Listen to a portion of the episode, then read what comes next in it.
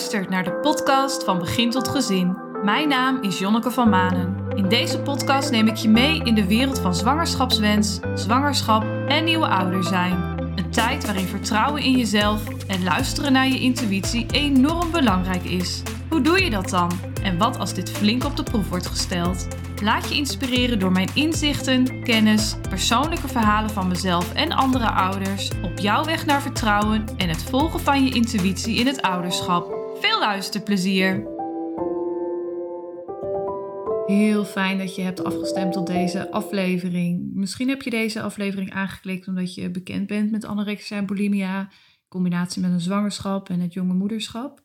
Misschien heb je helemaal niks met eetproblemen en dan is dit ook een hele interessante aflevering. Want zoals alle afleveringen in deze podcast, ja, er worden bepaalde problematieken besproken, er worden bepaalde thema's meegenomen, maar onderliggende inspiratie die er die aanwezig is in de aflevering, dat is de kern van het verhaal. En de thema's die in dit verhaal voorbij komen, gaat over controle houden, angsten, loslaten, het nieuwe moederschap met alle perikelen die daarbij komen kijken, huilende baby's, het omgaan met je eigen emotionele lasten en het verwerken van je, van je eigen problemen. En hoe doe je dat in combinatie met ouder zijn? Nou, in dit verhaal uh, speelt de anorexia en bulimia, eetproblemen spelen daar een hoofdrol in.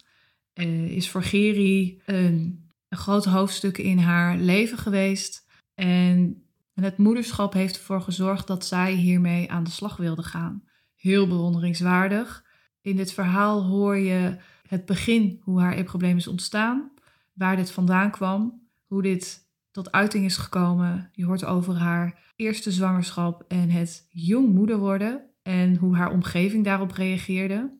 Je hoort over de zware periode die ze heeft gehad tussen haar twee kinderen. Je hoort over haar verwerking en hoe zij aan de slag is gegaan met deze eetproblemen. Je hoort hoe ze in de tweede zwangerschap daar op een hele andere manier in stond dan tijdens de eerste zwangerschap. En hoe zij dat heeft gedaan, dat, dat is heel krachtig en een heel inspirerend verhaal om naar te luisteren en om mee te nemen. Luister tussen de regels door en dan zul je veel herkenning gaan vinden. Goed, ga er lekker voor zitten. Doe je wandeling, vouw je wasje op, wat je ook aan het doen bent. Ik wens je heel veel plezier. Gaan we beginnen? Yes. Nou, ik zit hier tegenover Geri. Hallo. Hi. Yes, ik heb er zin in. ja, ik ook. Ja. Leuk. En uh, zou je heel even je willen voorstellen? Even kort ja. uh, wie ja. je bent. Ja, ik ben uh, Geri, uh, 35, moeder van twee kinderen. En uh, ik werk sinds een halfjaartje iets langer voor mezelf als creatief coach. Waarbij ik vrouwen help van twijfel naar vertrouwen in hunzelf. En zo weer een gezonde relatie met zichzelf en met voeding te krijgen.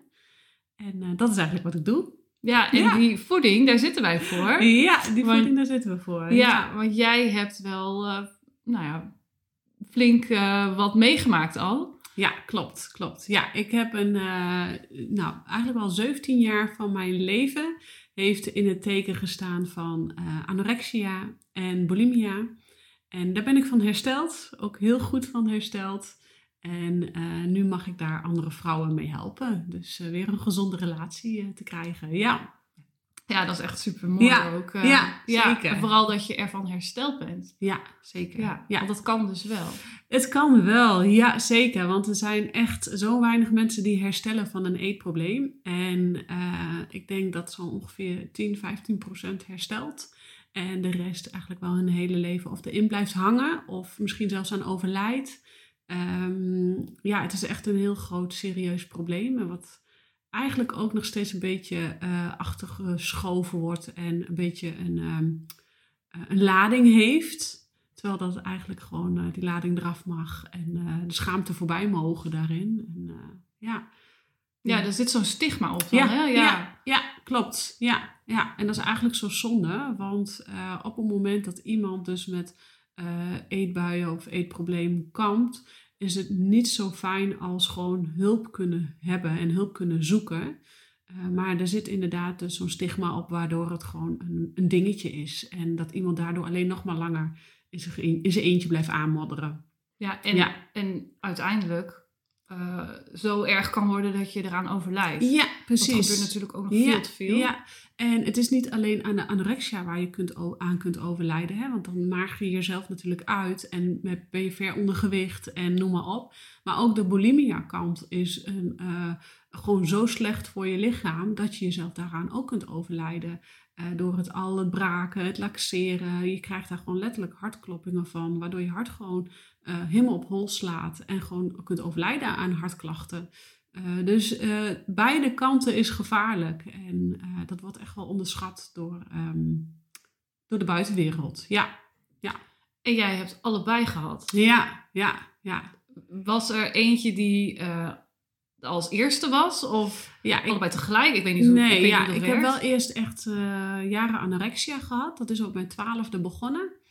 En ik kan me nog herinneren als klein meisje, een jaar of 12, 13, dat ik dacht, uh, nou, ik, uh, ik wil ook gewoon weer lekker in mijn vel zitten. Ik was die periode dat je een beetje begint te tieneren, te puberen. Nou, 12? Dan ben je ja, echt nog jong. Ja, ja, ja, ik was al wat jonger, denk ik al wel, dat ik al uh, bezig was met nee, ik ga niet eten. En uh, dat ik ook uh, huilend onder de tafel lag als klein kind, zeg maar, weet je wel. En ik wil het niet eten.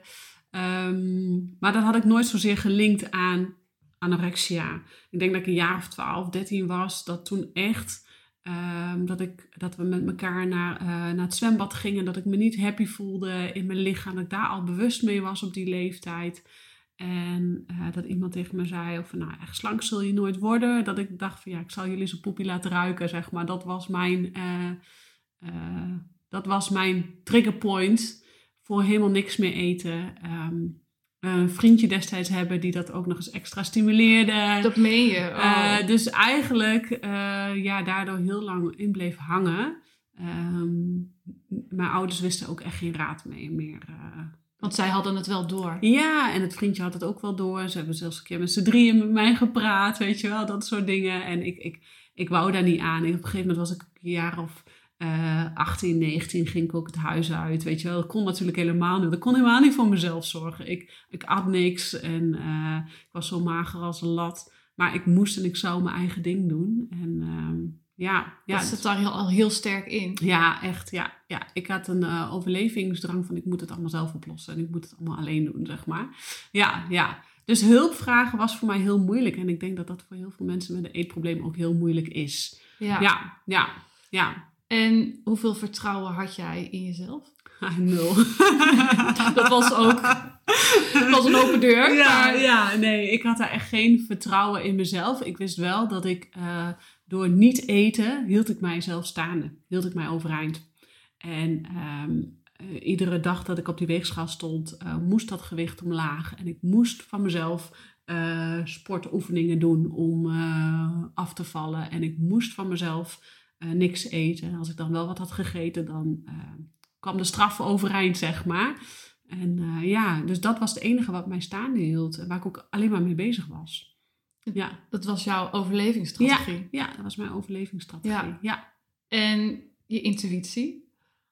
Het gevoel? Ja, ik denk dat dat niet echt aanwezig was. Want uh, op het moment dat je zo in de anorexia zit, dan kan je alleen maar denken aan het gewicht op de weegschaal.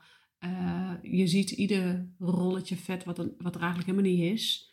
Um, alles, je kan alleen maar aan jezelf in, je, in de spiegel kijken van... Jezus, wat is dit een lelijk mens en uh, hoe kan ik zo snel mogelijk... Uh, er hebben zelfs ook momenten gehad dat ik gewoon niet meer wou leven. Want mijn lichaam was het toch niet waard, zeg maar.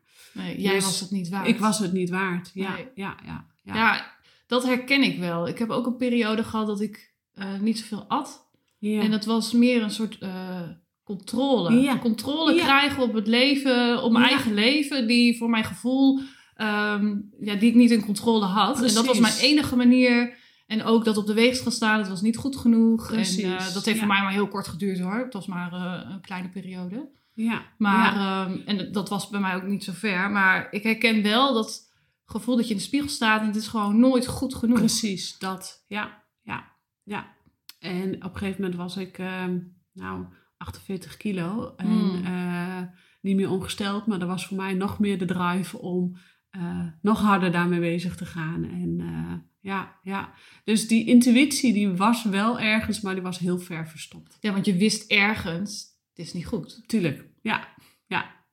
Ja, parkeren, hup, aan de kant, precies. wegstoppen. Ja. ja. Doorgaan met studeren, doorgaan met overleven. ja. En eh, ja, Want ja. je kon wel studeren en Ja. normale dingen doen. Eh, ja, ik had in die periode, toen het echt heel erg ging, was, ging de relatie met het vriendje ook uit. Hè. Dat was echt zo'n beetje kalverliefde, zo'n eh, Mhm. puberliefde. En toen zakte ik eigenlijk ook verder weg, die, de diepte in. Ik kwam weer thuis te wonen natuurlijk. En ik heb ook uiteindelijk maar een halfjaartje of zo, want dat ging gewoon helemaal niet. Maar ehm, ja, ik, ging, ik wou wel mijn studie afmaken. Ik dacht, ik moet wel, eh, eh, dat moet ik gewoon doen. Dat was gewoon een automatische piloot. Het was eh, streng zijn voor jezelf en bezig zijn met school en slapen. En de volgende ochtend stond je weer op met streng zijn voor jezelf. En ja, En hoe voelde jij je in die periode? nou, ik heb het gevoel echt helemaal weggedrukt. Ik weet ook niet zo heel veel meer daarvan. De herinneringen die ik daarvan boven kan halen is echt dat ik veel verdriet had. Heel veel pijn en verdriet en zorg dat ik maar kon overleven. En ehm, ja, echt alle, alle gevoelens waren weggedrukt. Echt alles. Ja, ook Ja. dat je, ik kan me voorstellen dat je opstaat en dat je gewoon niet op je benen kan staan. Ja, ja ook het liefste soms was gewoon echt in bed wil blijven liggen. Maar eh, je moet eruit hè, voor school. Ik dacht, dat moet ik halen. Eh, wat overigens gewoon hartstikke goed ging. Maar ehm, ja, ik, ik heb daar echt alles weggedrukt. Het is ook echt weinig herinneringen die ik van die periode heb. Ja, ja, ja. En toen kwam het moment dat Ja. je zwanger was. Ja, ja, want ehm, ik was dus eh, goed ziek in de anorexia. En eh, toen leerde ik eh, plots in één keer mijn huidige partner kennen. En ehm, ja, was eigenlijk vanaf moment één al dat wij, eh, dat de klik er gewoon was. En eh, hij was ook de eerste naast mijn ouders dat ik vertelde over mijn anorexia. Voor de rest En niemand Voor de rest het. niemand. Weet je, iedereen, nee, die had, iedereen had vermoedens natuurlijk. Maar ik had er met niemand over gepraat, behalve met hem. En eh, dat was eigenlijk ook de ommekeer dat we dachten, hier gaan dit gaat gewoon goed komen. Toen voelde ik weer dat gelukgevoel en dat ik iemand naast me had. En ik dacht, nou, en toen ging het ook goed dat ik weer wat in gewicht aankwam. En dat ik gewoon normaal ging eten. En nou, we woonden ook al heel snel samen, omdat we gewoon echt gewoon die klikken hadden. En het was gewoon goed. En jij wilde het huis uit. En ik wilde het huis uit, ja, ja.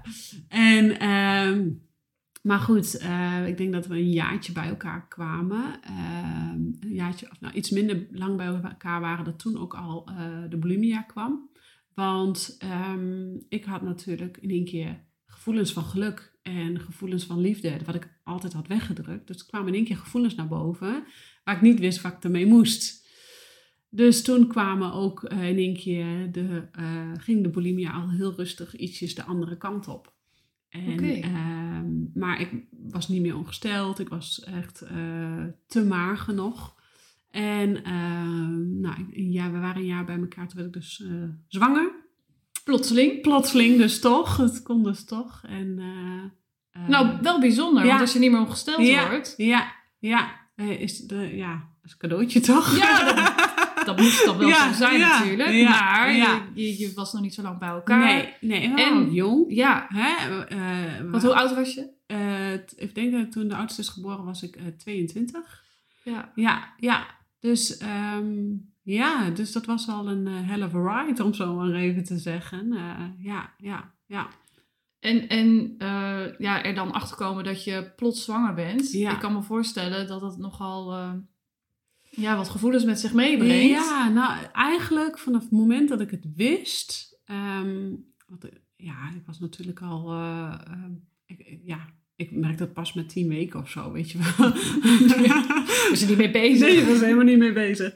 Ehm, nee, dus ik. eh, Hoe, hoe, hoe, Ja. hoe kwam je erachter? Of hoe, eh, ja, ik, wat ik merk was misselijk. Ik was heel Oh. erg misselijk 's ochtends. En ik, eh, ik had net, zat al een beetje in de bulimia, dus ik was al wat met aan het spugen, het, het eten eruit gooien. Maar dit was structureel iedere ochtend dat ik dacht, hmm, dit, dit klopt niet.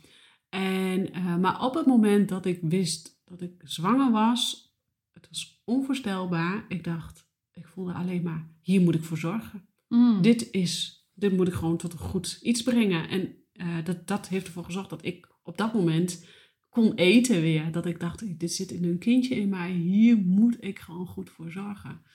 En uh, dat is me ook heel goed gelukt, negen maanden. Uh, ja, um, kon ik echt gewoon normaal eten. Ik kon zelfs genieten van lekkere dingen. Het voelde even alsof ik gewoon normaal mens was, zeg maar.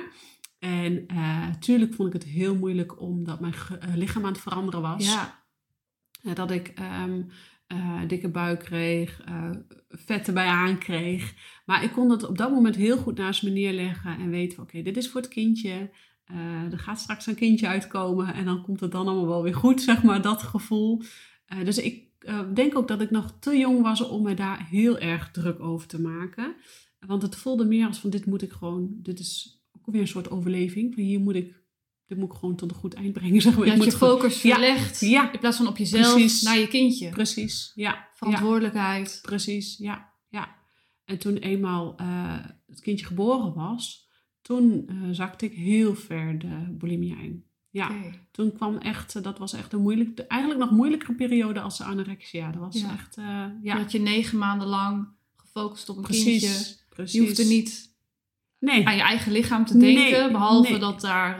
eh, een kindje in eh, Ja. moest volgroeien. Ja. En eh, nou ja, als je zo jong bent, ik had ook helemaal niet echt voorbereid op een bevalling. Dus dat was echt een trauma. Ik vond het echt traumatisch. ja, ja, ja. ja. Want heb jij het idee, ja, je, je zei al dat de anorexia, de bulimia niet echt invloed had tijdens de zwangerschap. Nee, nee. Maar heb je het idee dat het wel je bevalling beïnvloed heeft op de manier waarop je... Ja, nou dat was dus iets waar ik dus geen controle over had. Mm. Hè, dus het ontstond in Ja. één keer, het gebeurde eh, in één keer. En ehm, ik raakte daardoor echt heel erg in de paniek. En daardoor kon ook het, het babytje er ook niet uitkomen. Dus moest er alles op naar het ziekenhuis. Weet je wel, dat soort dingen. Ik, eh, dus uiteindelijk met de, met de vacuumpomp eh, gehaald. Omdat ik gewoon te veel spanning bij me hield. Ik had daar geen controle over. Dus ehm, ja, dat heb ik echt als heel eh, traumatisch ervaren. Ja, ja, ja, ja. En ja, je had natuurlijk... eh, je was natuurlijk volledig bezig met dat kindje. Ja, En niet met een voorbereiding. Heb Nee. je, had je dat ook niet meegekregen vanuit de omgeving of bij de verloskundige? Dat, Ja. Had je daar ook je problemen neergelegd? nee, ik had daar mijn problemen in neergelegd. En ik voelde mij niet prettig in de... Ik had mij opgegeven voor zwangerschapsyoga. Maar ik was natuurlijk jong en iedereen die had wel een oordeel over mij dat ik daar als jonge zwangere vrouw rondliep. Waren natuurlijk allemaal toen vrouwen van rond de 30. Ja. En ik was net begin 20. En eh, bijvoorbeeld bij de zwangerschapsyoga en bij de verloskundige werd toch wel eh, flink opgehamerd van dat ik zo jong was. Dus dat kwam erbij. Dat kwam erbij dat ik mij eigenlijk ging schamen voor dat ik zwanger was. Terwijl dat ik eigenlijk ook wel zoiets had van, nou, dat is gewoon eigenlijk hartstikke mooi. Het voelde als een cadeautje, maar dat, dat cadeautje is zo ondergesneeuwd door de gedachten wat anderen van mij vonden. Of dat ik dacht dat ze dat van mij vonden. Hè? Ja. En hoe, eh, hoe, wat voor manier lieten zij dat eh, aan jou merken? Eh, dat ze dat ook letterlijk zeiden, bijvoorbeeld ook bij de zwangerschapsyoga. Van nou, je bent toch echt wel heel erg jong en eh, ga je het zelf opvoeden? Mm. Of mensen kunnen zulke rare vragen stellen. ja. Dat ik ehm, mij ook helemaal niet geroepen voelde om die zwangerschapsyoga af te maken. Dat ik me daar helemaal niet happy bij voelde. En ik had natuurlijk ook geen vriendinnen om me heen die zwanger waren. Iedereen was aan het studeren en party eh, en eh, studententijd. ja. En ik wat, eh, zat daar met mijn zwangere buik, zeg maar. Ja, ja. Dus nee, ik had niet echt het idee dat ik op iemand kon terugvallen in die periode. Nee. Juist heel belangrijk als je ja, zwanger bent. Ja, En je wereldje was klein. ja, ja. Ja, ik voelde mij echt alleen. Ja. Ik had natuurlijk wel mijn moeder en mijn schoonmoeder. Maar dat is toch anders. eh, hè, je wilt natuurlijk gewoon met je vriendinnen delen dat je zwanger bent. En eigenlijk liefst met de hele wereld delen dat je zwanger bent. Ja. En eh, ook praten over bevallingsverhalen. Of, eh, hè? Maar ja, die, die had ik niet. Eh, had ik, ik had geen mensen om me heen waar ik op terug kon vallen voor mijn gevoel, zeg maar, van mijn Nee. leeftijd die mij zouden begrijpen, zeg maar. Uh, nee, nee, sowieso niet begrip. Maar ook als er dan op die manier tegen je gesproken wordt. Wel, ja. ja. 22 is jong, ja. maar je bent geen 16. Nee, nee, nee. nee. En, en natuurlijk ook misschien het oordeel dat jullie nog maar kort bij elkaar waren. Ja, nou dat nog niet zo eens zozeer. Meer echt van dat ik echt jong ben. En uh, ja, ik, ik, ik uh, nou, maar kun je dan je studie afmaken? Weet je, dat soort dingen. En ja, ja, ja. En jullie ouders? Ja, ehm, nou, beide ouders, beide kanten waren direct helemaal happy de peppy. Stonden volledig achter ons hoor. Ja. ja. En jouw moeder, want die, heeft, die, die, wist natuurlijk van jouw e-probleem. Ja. Is dat iets wat nog aan de orde kwam tijdens zwangerschap? Heeft ze daar met je over gesproken? Nee. Zorgen geuit? Ik, ze hebben wel zorgen gehad. Ik denk dat iedereen om ons heen wel zorgen gehad van... oh, als dat maar goed komt. Maar niemand sprak het uit. Hmm. En dat is ook omdat ik het zelf ook nog niet uh, onder dat labeltje durfde te plakken. Hè. Ik ging ook nog maar gewoon door, uh, net alsof doen dat mijn neus bloedt, zeg maar. Ja. Dus ik denk niet dat iemand uh, in onze omgeving dat echt heeft aandurven katen. Um, Stond je daarvoor open? Nee, ik denk het ook niet. Nee. Nee, ik denk toen was ik echt weer in een overlevingsstand van ik moet zorgen dat dit kindje gewoon gezond ter wereld komt. verder niks. Er verder, niks. niks aan de hand. Nee, nee. nee. Ja.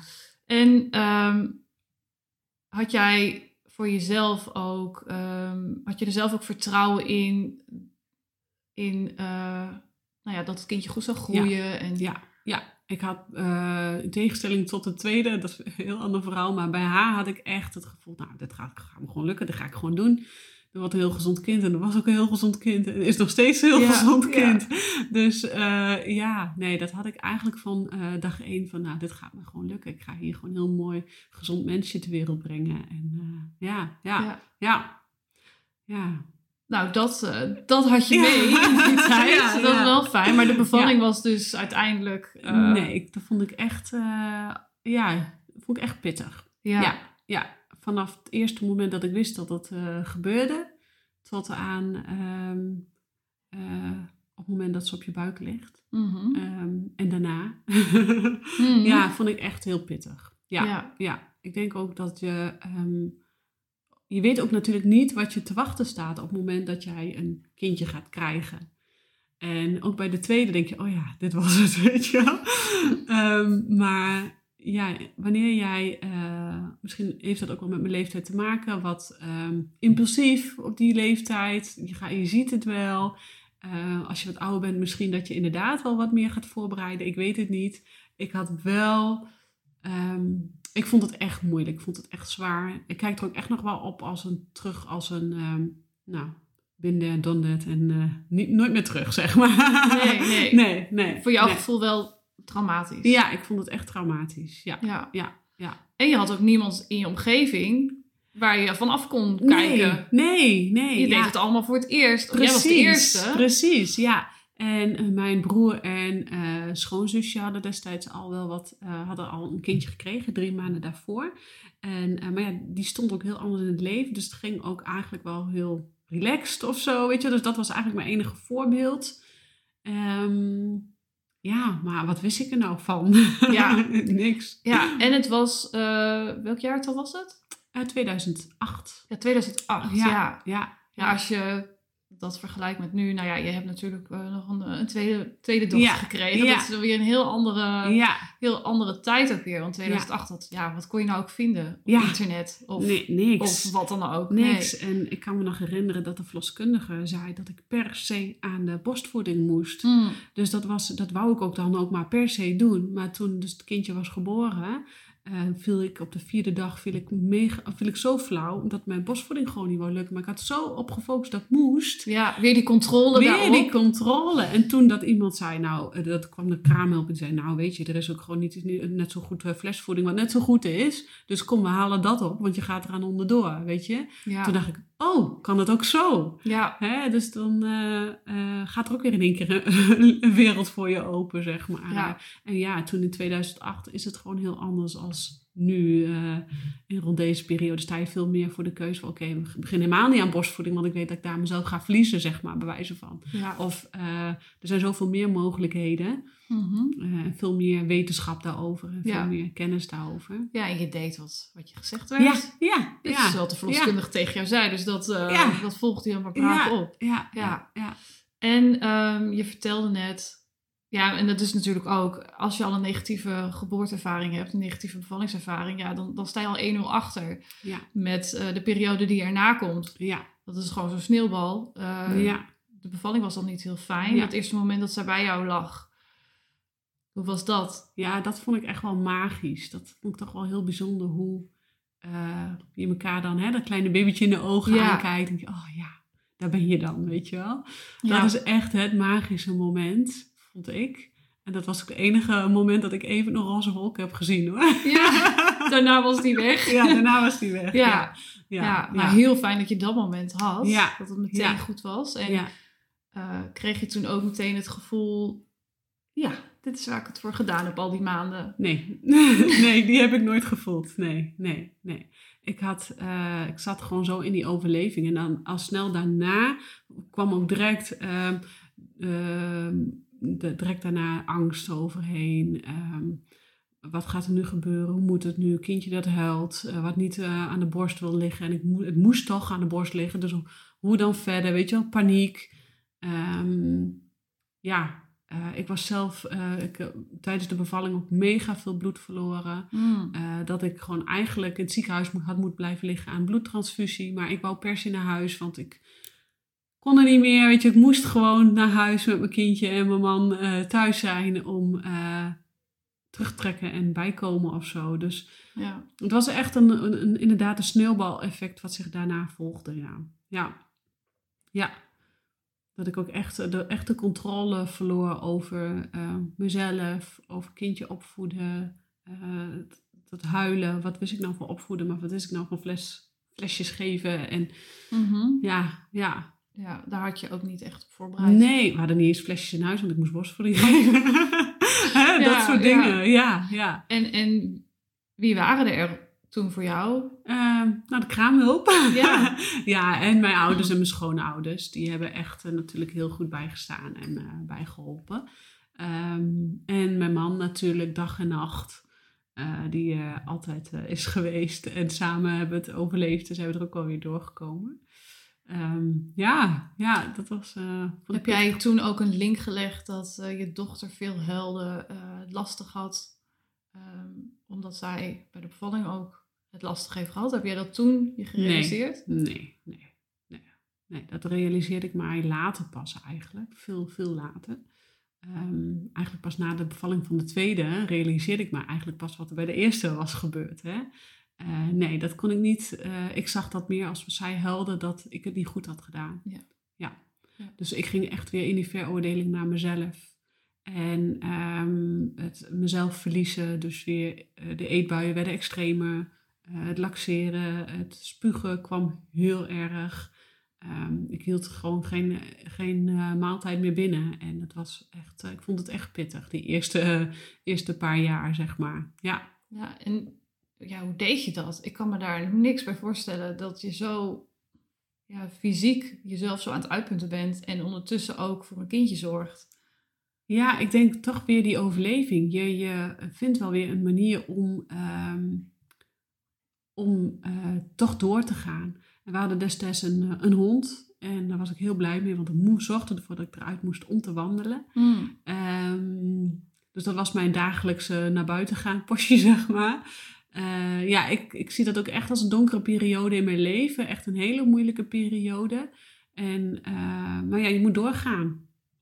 Van dag naar dag. En ehm, ja, zorgen. Ik was gewoon blij dat op een gegeven moment dat het kindje, toen een keer een beetje interactie kwam met het kindje. En eh, helemaal, ik kan me nog een moment herinneren dat ik haar, helemaal dat ze wat ouder was, dat ik haar vroeg, wat wil je op je boterham, wil je pindakaas? En ze zei ja. Dat ik dacht, oh halleluja, ze kan terugpraten. Ehm, Ik ja. kreeg respons. Ik kreeg Ja. respons, ja. Maar voor die tijd was het echt eh, pittig. Ja. En eh, die eerste tijd met je kind, heb jij toen ook getwijfeld aan je band met haar? Ehm, Nou, niet zozeer met de band met haar. Want ik voelde wel direct, hè, wat ik je zei, van op het moment dat ze bij mij als eerste op de buik lag, dacht ik, oh ja, daar is ze. Ehm, maar ik heb niet zozeer getwijfeld aan de band met haar, maar meer getwijfeld aan mezelf. ja. Eh, zie je wel, ik ben geen goede moeder. Zie je wel, ze huilt nog steeds, ik kan het niet. Eh, echt wel huilend eh, mijn man opbellen, dat ik niet wist wat ik nu moest doen. Eh, gelukkig was dit kindje, eh als eerste dochter, een hele goede slaper. Dus zij sliep s'nachts heel goed, waardoor ik ochtends echt wel om, eh, om eh, vijf uur eruit kon voor de eerste voeding, zeg maar, weet je wel. Ja. Dus dat hadden wij echt heel erg geluk mee. Ehm, maar overdag voelde het als overleven. Ja, ja. En heb je ook momenten gehad eh, waarin je, ja, je hebt natuurlijk doorlopend het vertrouwen niet gehad en altijd maar die controle willen houden. ja. Heb je ook momenten dat je wel dacht van, oké, dit, eh, nou, dit, dit voelde goed. Ja. Hier eh, heb ik echt naar mezelf geluisterd. Ja, ja, dat kwam eigenlijk wel toen ze wat ouder was. Toen ze eigenlijk eh, twee was, dat ik, ehm, toen kreeg ik een baan weer, kon ik weer werken. Dat ik dacht, dit ben ik nodig om. Toen werd ik ook een fijnere moeder, een leukere moeder. Kreeg ik ook vertrouwen in mezelf. En dat kwam toen pas eigenlijk. Ja, ja. En ook die eerste twee jaar is toch ook wel weer een beetje een, eh, in de vergetelheid gestopt. Ehm, eigenlijk ook in die periode van anorexia, waar je gewoon niet heel veel meer van weet en in een overleving zit, zeg maar.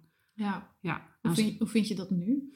eh, ja, soms wel jammer. Ik vind ook, eh, als ik een fotoboek terugkijk, of dan denk ik, oh ja, als ik dan mezelf op foto's zie, dan denk ik, ach, wat, wat zie ik er slecht uit en wat heb ik mezelf aangedaan door mezelf zo weg te cijferen. Ja, Ja. ja, ja. Dan denk ik, wat zit daar voor een verdrietig mensje, een hoopje, hoopje Ja. ellende, zeg maar. ja. ja, ja. Ja, heel herkenbaar. maar Ja. maar ehm, je bent toen eigenlijk veel verder weggezakt met, je, met de bulimia en de Ja. anorexia. Want dat bestond tegelijk? Want Ja. ik, ik, weet, ik weet dat niet. Ja, nou eigenlijk is de. ehm, eigenlijk had ik al die tijd nog gewoon anorexia. Mhm. Want ik had dus de angst om te eten. Ja? Ehm, maar op het moment dat ik dus ging eten, eh, kwam er in één keer heel veel. Of door de spanning van dat, het, dat mijn kindje toen aan het huilen was, of dat er wat gebeurde, ging ik dus overmatig eten. Dus ik was continu bezig met eh, erin proppen en eruit gooien. En eh, dat hield de anorexia hield de bulimia een beetje in stand. Zo moet je dat eigenlijk zien. Dus ik kon niet normaal met eten omgaan, zeg maar. Eh, als ik ochtends gewoon ontbeten had, nou, dan had ik daarna ook gewoon rond een uurtje of tien alweer mijn eerste eetbui. En dat ontstond niet van even een koekje bij de koffie, maar dat werd eh, extreme koeken, chocola en eh, alles wat voor grijpen lag, broodje, pindakaas. En dat moest er zo snel mogelijk weer uit. Dus dan ging ik weer naar het toilet en gooide ik het er weer uit, zeg maar. Ja. Ja, ja. Heeft zij daar veel van meegekregen? Ik denk onbewust wel. Maakte je daar ook Ja. zorgen om? Ja, ik, vond het wel moeilijk dat zij dat mee zou krijgen, zeg maar. Maar ik denk dat zij onbewust wel mijn verdriet heeft meege... mijn wanhoop heeft meegekregen. Ja, ja. dat denk ik wel. Ja. En kon jij, eh, kon jij haar, wel, ja misschien een domme vraag, maar kon je haar wel goed, eh, goede voeding geven? Ja. Was ja. dat niet eh, lastig voor jou? Eh, ja, toen ze eh, wat ouder werd, hè, dat ze ook op een gegeven moment op zo'n leeftijd komen dat ze ook een snoepje mogen, zeg Mhm. maar. Dat vond ik heel moeilijk, want voor in mijn ogen snijden ze al gauw te veel. Dus was het al veel snijden en dat mocht dan niet, want dan werd ze dik. Werd. Dit, Mhm. die gedachte is Ja. er altijd heel lang geweest. Dus ik heb haar ehm, in die zin wel daarin wat beperkter opgevoed. Dat denk ik wel. Ja, ja, ja. En naarmate eh, ik dat de eetstoornis wat meer hulp in kreeg, omdat eh, dus dat ik hulp ging zoeken, dat de eetstoornis wat meer naar de achtergrond raakte, merkte ik ook dat ik daarin wat relaxter was. En eh, ja, nu neem ze ook gewoon een snoepje iedere middag als ze uit school komen. Want ik denk, nou, ik ben ook kind, weet je wel. Moet kunnen. Moet kunnen. Ja. Wat was Ja. het moment dat je dacht, oké, ik heb nu hulp nodig? Ehm, ja, ik heb in 2014 een eh auto-ongeluk gehad. Toen reed een eh, vrachtwagen mij van achteraan. En eh, ik moest revalideren. Ik dacht, ik, een oudste was ondertussen zes. Ik dacht, ja, dit kan zo niet langer meer. ik dacht, En al die jaren... Al die jaren doorgaan in de eetbuien, in uh, uh, spugen, laxeren, uh, zeggen tegen mijn man en kinderen dat ik net gegeten had, terwijl dat ik nog niks gegeten had. als er iemand weg was of s'avonds, dat ik alleen was, dan stopte ik alles naar binnen en moest er zo snel mogelijk weer uit. dus die veroordeling naar mezelf, mezelf straffen. Um, ja, dat heeft echt al die jaren heeft dat gewoon voortgezet. En um, ja, ik leefde ook gewoon van dag tot dag om maar weer te overleven. En na dat auto-ongeluk dacht ik, nu moet ik, moet die koe bij de horens gaan vatten. En ik kreeg, uh, van de auto-ongeluk kreeg ik EMDR-therapie. En hoe, om het ongeluk te vergeten. Dus hè, je brein, ja. uh, brein te resetten om het ongeluk te vergeten. Maar met die EMDR-therapie kwamen eigenlijk allemaal beelden naar boven. Van uh, dus die periode nadat de eerste was geboren. Uh, van de zwangerschap, van de bevalling. Maar ook van de anorexia-periode. Alles kwam naar boven met die EMDR-therapie. Dat ik dacht, Al ja, je weggestopte alle- trauma's. Ja, ja, ja. Je haalt één laagje weg en daar... boem, daar kwam, eh, ja, ja. Dus ik moest daarmee aan de slag. En eh, eigenlijk is dat mijn eh, mooiste moment in mijn leven, omdat ik daardoor gewoon ehm, echt het eetprobleem heb uit kunnen werken. En ehm, ja, nu zo ver gekomen ben waar ik nu sta. Dus dat was echt wel, eh, ja, ja. Ja. moment om in een gouden lijstje te Ja, stoppen. eh. ja, zeker, zeker. En had jij, eh, voordat je die hulp echt aanpakte, had je toen al wel met meer mensen erover? Eh, of was het nog steeds zo'n taboe voor jou? Ja, het was nog steeds wel een taboe. Mm. Want ik werkte ook in de sportschool. Natuurlijk Mm. in de sport om lekker hè, fanatiek bezig Ja, te ja. zijn. Ehm, en daar sprak ik ook heel veel vrouwen die ook gewoon eigenlijk eetbuien hadden. En nou, hè, maandag ga ik eh, diëten en dan ga ik dit dieet doen. En vervolgens sprak ik ze dinsdags weer en dan was het weer niet gelukt. Of, hè. Dus ik herkende heel veel in hun verhalen. En toen kwam ik erachter van, hé, hey, ik ben eigenlijk helemaal niet alleen met dit stuk. Ehm, dus toen kwam ik ook een beetje aan nadenken, hé, hey, misschien heb ik dan toch echt wel een probleem. Want ik kan me nog herinneren dat ik de eerste keer bij de psychotherapeut zat en dat de psychotherapeut tegen mij zei, ja Gerry, weet je wel dat je anorexia hebt? Nee, ik niet. Dat had je al die jaren Ja. ook nooit eh nee, had ik gedacht? mezelf. Nou, weet je, je had het wel gedacht, maar ik dacht, nee, dat heb ik niet. Nee. nee, nee, dat ben, ik ben niet diegene die dat heeft, weet je wel. Dus Nee. ja, dat was wel even een eh, ding. Ja. Ja, om daar echt die naam aan te plakken. Ja, ja, ja. ja. Ja, dat, eh, dat is ook best lastig om Is een dan dingetje. toe te geven. Precies. Ja, ik heb dit. Ja, dat is heel moeilijk. En eh, ik denk dat die therapeut daar toen dat tegen me zei, ja maar Gerrie, je hebt gewoon anorexia hoor. Weet je dat wel? Toen dacht ik, oh ja. Je kunt het wat anders noemen, maar ja. is het gewoon. Ja, ja, ja.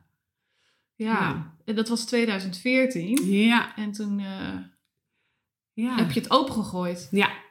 Toen heb ik het opengegooid, de wijde wereld in, familie eh, ook die daarvan op de hoogte werd gebracht. Natuurlijk allemaal het wel wisten, maar niet durfde te zeggen. Toen kreeg ik ook de opdracht van mijn therapeut inderdaad, van ga het met een vriendin bespreken. heb ik toen ook gedaan en eh, die wist het natuurlijk ook wel. Maar het was zo fijn om eh, het bij haar ook mijn verhaal kwijt te kunnen. En eh, ja, zoals op de dag van vandaag nog, dat, ze, dat ik af en toe nog even vraag, oh, heb je zin om even te bedden of te wandelen, weet je wel. Dus ja, ja.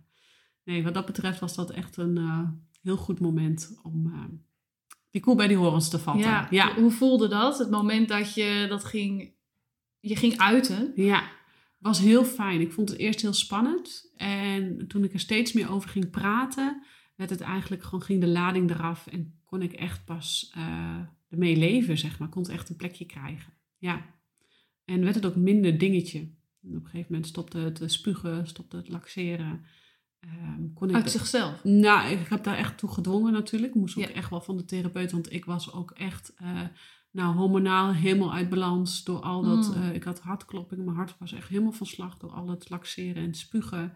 Ehm, dus ik moest ook lichamelijk gezien ook echt eh, daarmee stoppen. En ik had ook zo de noodzaak om ermee te stoppen. Dus ik voelde aan alles van dit moet, zeg maar. Ja, Ja. ja, ja. Want ja, je organen dan. alles was helemaal eh bijnietuitputting. Tot, eh, Ja. ja. darmen die slecht werken. En eh, ja, ja. Zat je al op een randje Ja, ja. van een opname eventueel? Of, ja, daar heb ik wel meerdere keren op gezeten hoor. Ja. ja, ja. ja, ja. Elke keer net niet. Elke keer dit niet. Ja, dat ik dacht, nee, dat gaat me niet gebeuren. Oké. En wat deed je dan? Van, dat gaat me niet gebeuren. Wat, wat deed je Eh, dan? nou, toen, eh, ik denk met de anorexia-periode had ik echt zoiets van, nee, ik moet gewoon echt zelf weer zorgen dat ik weer de boel op de rit kom, zeg maar. De boel op de rit krijg. En eh, in die periode dat ik dus op een gegeven moment hulp ging roepen, dat was echt het, de nood, de laatste noodkreet. Anders was ik denk ik ook wel in een kliniek beland, zeg Ja, maar. Ja, ja. ja. En hoe was dat in je gezin? Ehm, ja, ik denk dat dat heel mooi was. Want eh, mijn, voor mijn man was het natuurlijk heel fijn dat, daar, ehm, dat die beerput nou eens goed eh, opengetrokken wordt en naar gekeken werd. Ehm, ja, uiteindelijk, het heeft al heel wat jaren geduurd voordat het echt rust en balans gaf. Ik heb al met al vijf jaar eh, therapie gehad eh, om dit te overwinnen. Echt wekelijks, drie keer in de week. Dat ik daar in het begin drie keer in de week heen ging. Dus het heeft wel even geduurd, maar het heeft echt wel ehm, heel veel gebracht. Ja, je Ja. kan ook niet al die jaren in, in één week oplossen Nee, of in één jaar. Dat, vraagt veel tijd. Ja, ja, ja. En jullie eh, kinderwens, eh, was die er ook al eerder?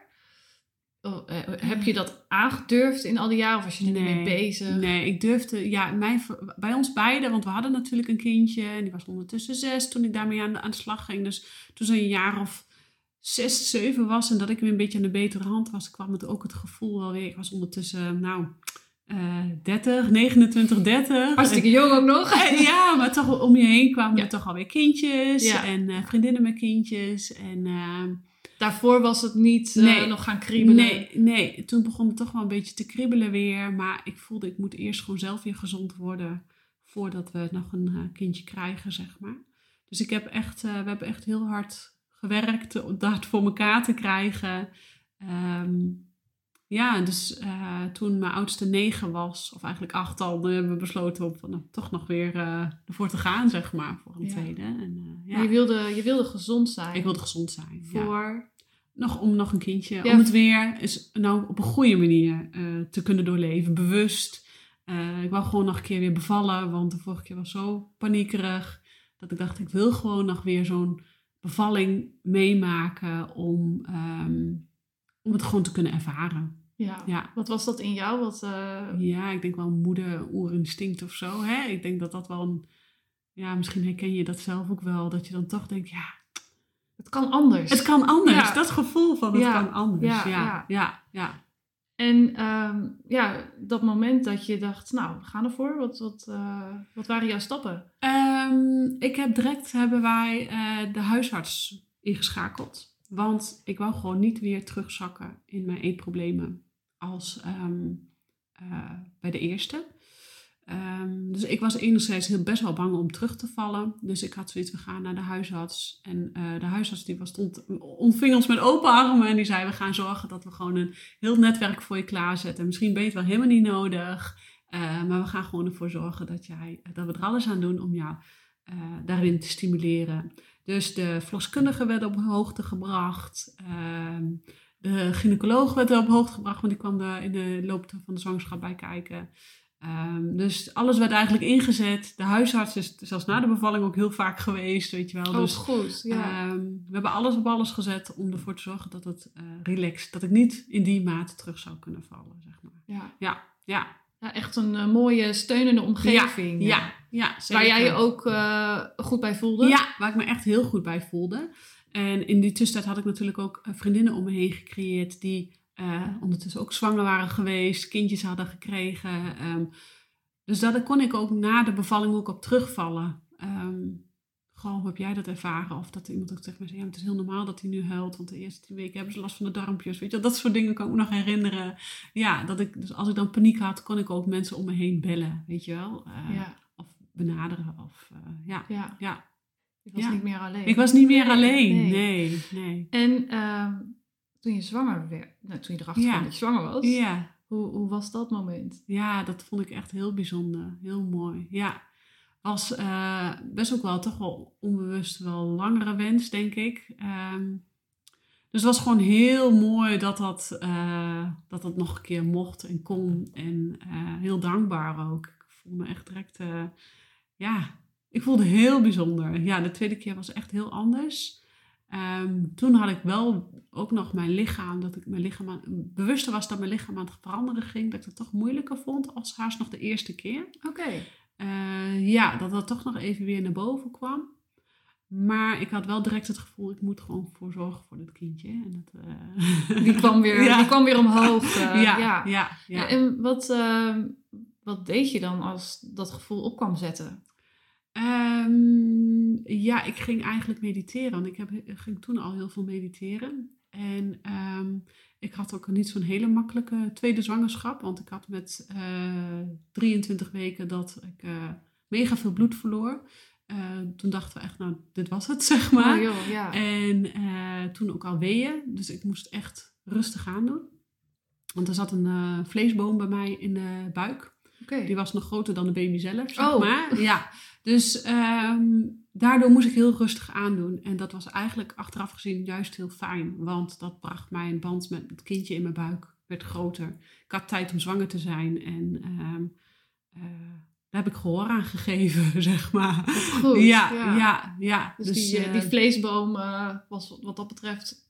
mijn redding, ook denk een- ik. ja. Ja. in die zin wel dat ik het echt heel bewust kon gaan doen. Ja. Ik heb echt tot nou, de 38ste week volgehouden, maar heel bewust iedere dag genieten van de buitenlucht, zorgen dat het kindje in mijn buik groeit, eh, praten, eh, voelen. ehm, eh, inderdaad, ook op momenten dat ik het moeilijk had met mijn lichaam, dat ik dacht, oh wat komt er nu? Nee, het is goed voor het kindje. Dat ik ging mediteren of rustig ging zitten.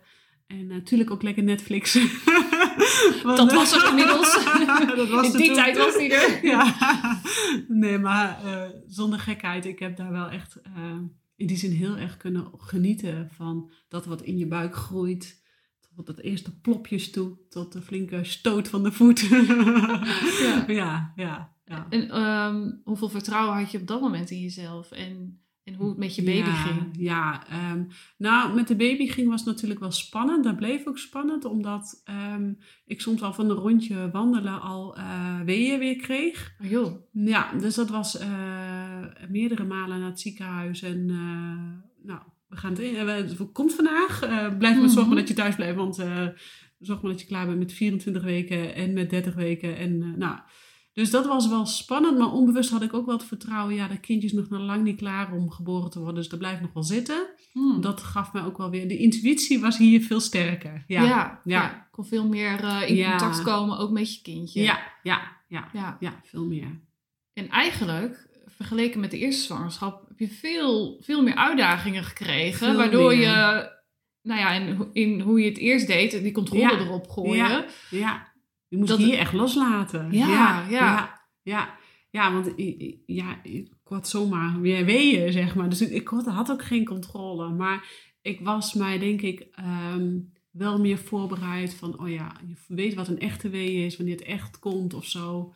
Het is toch de tweede keer is toch wel ietsjes anders. Dus ja, ik voelde daarin wel ietsjes meer vertrouwd. Vertrouwd in mezelf. Eh, de mensen om me heen. Ik had een geboorteplan gemaakt.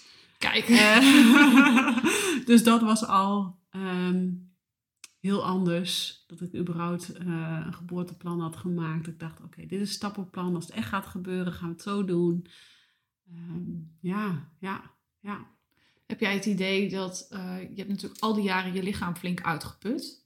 Het idee dat dat nog invloed heeft gehad op zwangerschap? Ja, ehm, ja en nee. Ik denk dat het eh, mijn. ehm, eh, ja, hoe moet ik dat zeggen? Ik denk dat het mij meer mijn, eh, mijn lichaam nu nog, zeg maar, dan heel lang de nasleep van heeft gehad. Ik denk ook met name bij de eerste. Die heeft heel lang geduurd. Het heeft echt wel een paar jaar geduurd dat ik dacht: oké, nu ben ik er pas weer. En bij de tweede had ik veel sneller dat ik er weer was, zeg maar. Dat mijn lichaam ook weer mijn eigen was. Dus ik denk in die zin dat bij de eerste zwangerschap daar meer van invloed is geweest dan bij de tweede. Ja. En ik had bij de tweede veel sneller weer dat ik er zelf weer was. Dat ik emotioneel gezien, maar ook lichamelijk, hormonaal, eh, dat veel sneller weer... eh, nou, oude lichaam om zo te zeggen, hè, wat dan... Hè, het gaat Ja. natuurlijk altijd wel, maar eh, gewoon weer terug voor mijn gevoel. Ja. ja. Je had natuurlijk ook al flink veel opgeruimd, veel emotionele Ja, lading opgeruimd van tevoren. Precies. Je was al gezonder aan het leven. Ja, ja, ja, ja, En ik deed veel aan yoga voor de zwangerschap al. eh, en mediteren. Dus dat zorgde voor de tweede bevalling dat dat eigenlijk het, het, het persen en puffen, zeg maar, dat dat eigenlijk als twee vingers in de neus ging, om zo Mm. maar even te zeggen. Ehm, want ik herstelde gewoon heel snel door al die yoga en... eh, Je Dus- lichaam was fysiek ook gezonder sterker, en ja. sterker. Ja, Ja. ja, ja. En, je, en, je, en mentaal was je ook. En eh, mentaal was veel- ik sterker. En tuurlijk op het moment dat je gaat bevallen van zo'n tweede is het, oh shit, dit was het, weet je wel. dat ik denk, hou ik dit echt? Ehm, dat ik ook echt tegen mijn man zei van, nou dit is echt de laatste hoor. maar ehm, ja, je hebt veel meer vertrouwen, een sterker lichaam. En eh, ik, ja, ik kan me ook het moment nog herinneren dat ik gewoon letterlijk kon voelen dat de baby stukje bij beetje door dat geboortekanaal ging. Dat ik me daar bewust van was. Wauw. En dat had ik de eerste keer natuurlijk nooit gevoeld. Nee. Dus dit was gewoon heel mooi dat ik dat gewoon nu kon voelen. ja. Ehm, ja, ja, dat ik veel meer intuïtief kon bevallen, zeg maar. Ja. ja. Wel in het ziekenhuis. Wel in het ziekenhuis. Ja, ja. En, en natuurlijk? En ja, ik had, nou, ik had al drie centimeter ontsluiting. Dat was 38 weken, maar ze moest er echt, of moest er echt uit. Ik, kon gewoon, ik was gewoon echt op. Dat ik echt dacht, nou, ik vind het mooi geweest, zeg maar. Ja. En toen zei de verloskundige ook, nou, als we ontsluiting hebben, dan gaan we ervoor. Dus die had ik al. En toen hebben ze ietsjes weeënopwekkers gedaan, maar toen kwam het eigenlijk zelf allemaal al. Oh, oké. dus ja. eh, ietsjes hulp. Ehm, maar er was wel hele fijne hulp om dan ook gewoon echt die dag te kunnen bevallen. Ja, ja, ja. ja, ja. En toen was eh, je tweede dochter Ja, geboren. ja, ja, bijzonder hè? Ja, zeker. Nou, in de weg die je, die je al had afgenomen. Ja. En, en ja, als een soort van kerst op de taart. eh, Echt, ja. Ja. Maar de periode na de geboorte was was pittig. Ja, die was heel pittig. Veel wakker, eh, niet, er was een hele slechte slaper. ja. Eh, s S'nachts heel veel wakker, overdag veel- echt een huilbaby. Ehm, ja, dat was moeilijk. De eerste paar weken ging nog wel. Maar daarna werd het pittig, echt, echt pittig. En hoe stond je daar nu zelf in? Eh, ik was sterker. Mijn man was sterker. Eh, we durfden hulp te vragen. Eh, het was ook voor het eerst dat ik dacht, oh, dat ik Mout, zeg maar, de jongste dus naar, dat ik een keer dacht van, oh, opa en oma willen jullie even oppassen, want we zijn gewoon even adem nodig. Weet je, dat soort dingen, dat durfde ik dan ook gewoon te doen. Dat had ik voorheen niet. Dus ehm, ja, dat was heel anders. We stonden zelf sterker in onze schoenen. Ja, Ja, ja.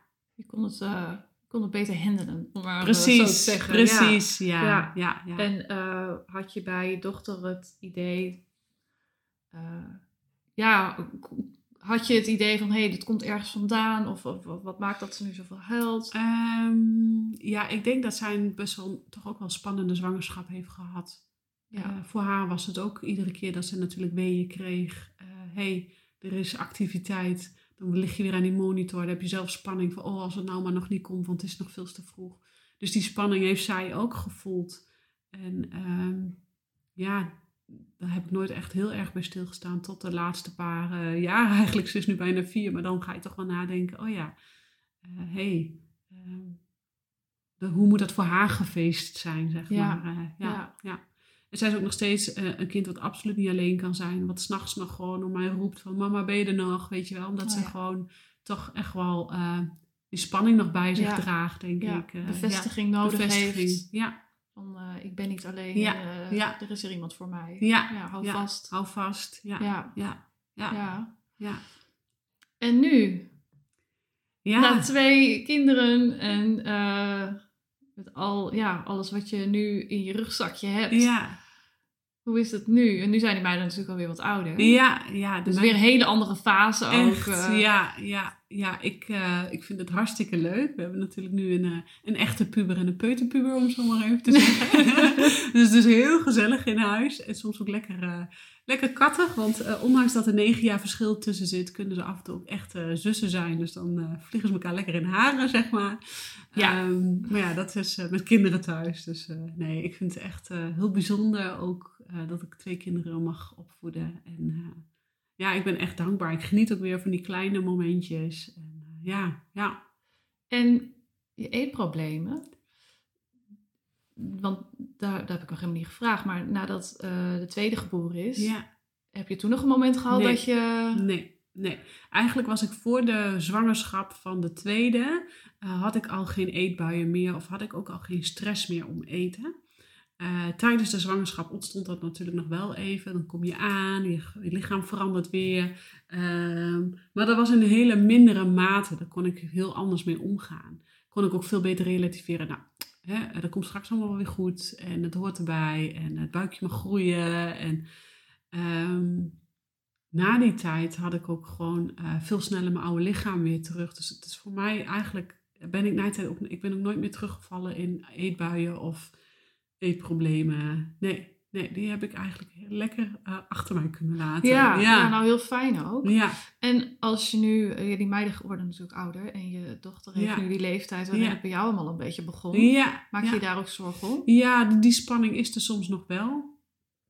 Ehm tuurlijk, niet zozeer in de zin van, oh je moet dat niet eten of je moet dat niet eten, want dan word je dik. Maar meer van, oké, bij mij is het rond mijn twaalfde begonnen. Nou, de oudste wordt volgende week 13. Mhm. Dus dan is het echt wel even spannend van, oké, hoe gaat zij dan om met de emoties? En eh, ja, dat ik haar ook wel heb gezegd van, goh, als jij een keer eh, periodes hebt dat je misschien wat gezonder wil eten of wat anders wil eten, moet je gewoon aangeven, weet je wel. Dus ik probeer eigenlijk alles een beetje te, al, eh, te eh, opvangen misschien of aan te bieden wat zij misschien helemaal niet nodig heeft. Maar dat, het, dat ze weet dat het er is, wat ik Ja. destijds heb gemist, zeg maar. Ja, ja. En dat is het enige wat ik denk ik kan doen. En we praten veel. En ehm, eh, toen ik natuurlijk startte met mijn bedrijf, met mijn onderneming, ging ze ook vragen, "Maar mama, wat ga je dan doen?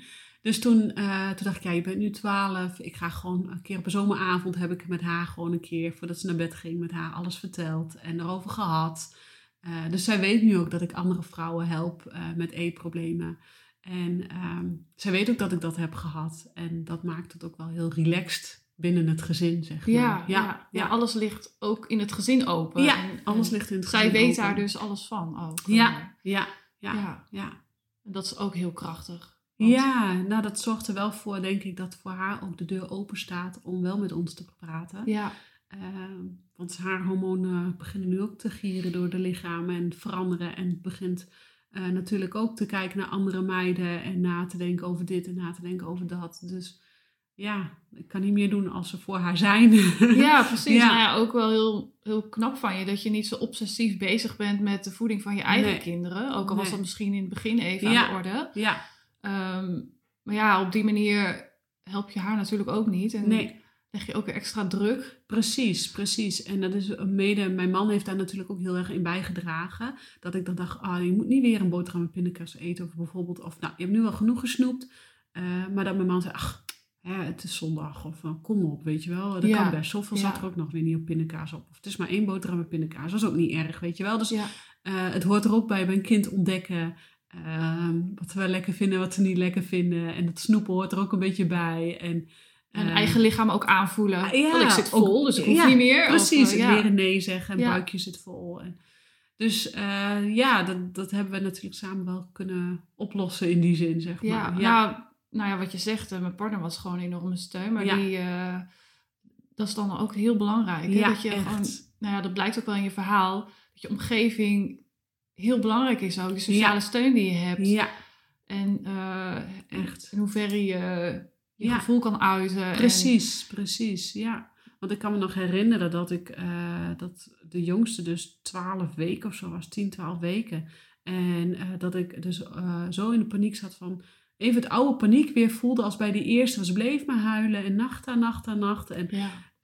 Geen voeding was meer, kwam eruit en pijn in de buik en nou, noem maar op. En dat ik echt me radeloos voelde en dat ik toen een vriendin ging bellen.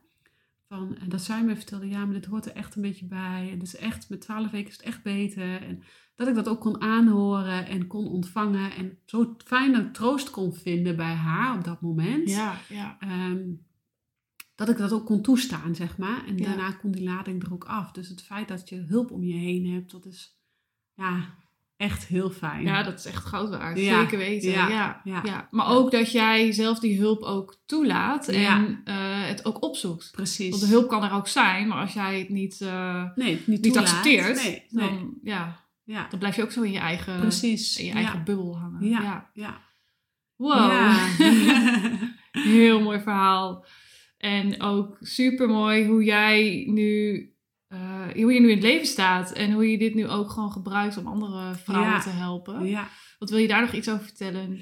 Ja, nou, ik ben eh, allereerst heel dankbaar eigenlijk voor alles wat ik heb meegemaakt. Want dat zorgt ervoor dat ik nu dus inderdaad andere vrouwen kan helpen. En ik ben ook dankbaar dat ik dat werk mag doen. Eh, want het is niet zo moeilijk om daar alleen mee te dobberen met eetproblemen of met eetbuien. Of, ik denk dat bijna, nou, dat misschien wel 80% van de vrouwen zich wel herkent in...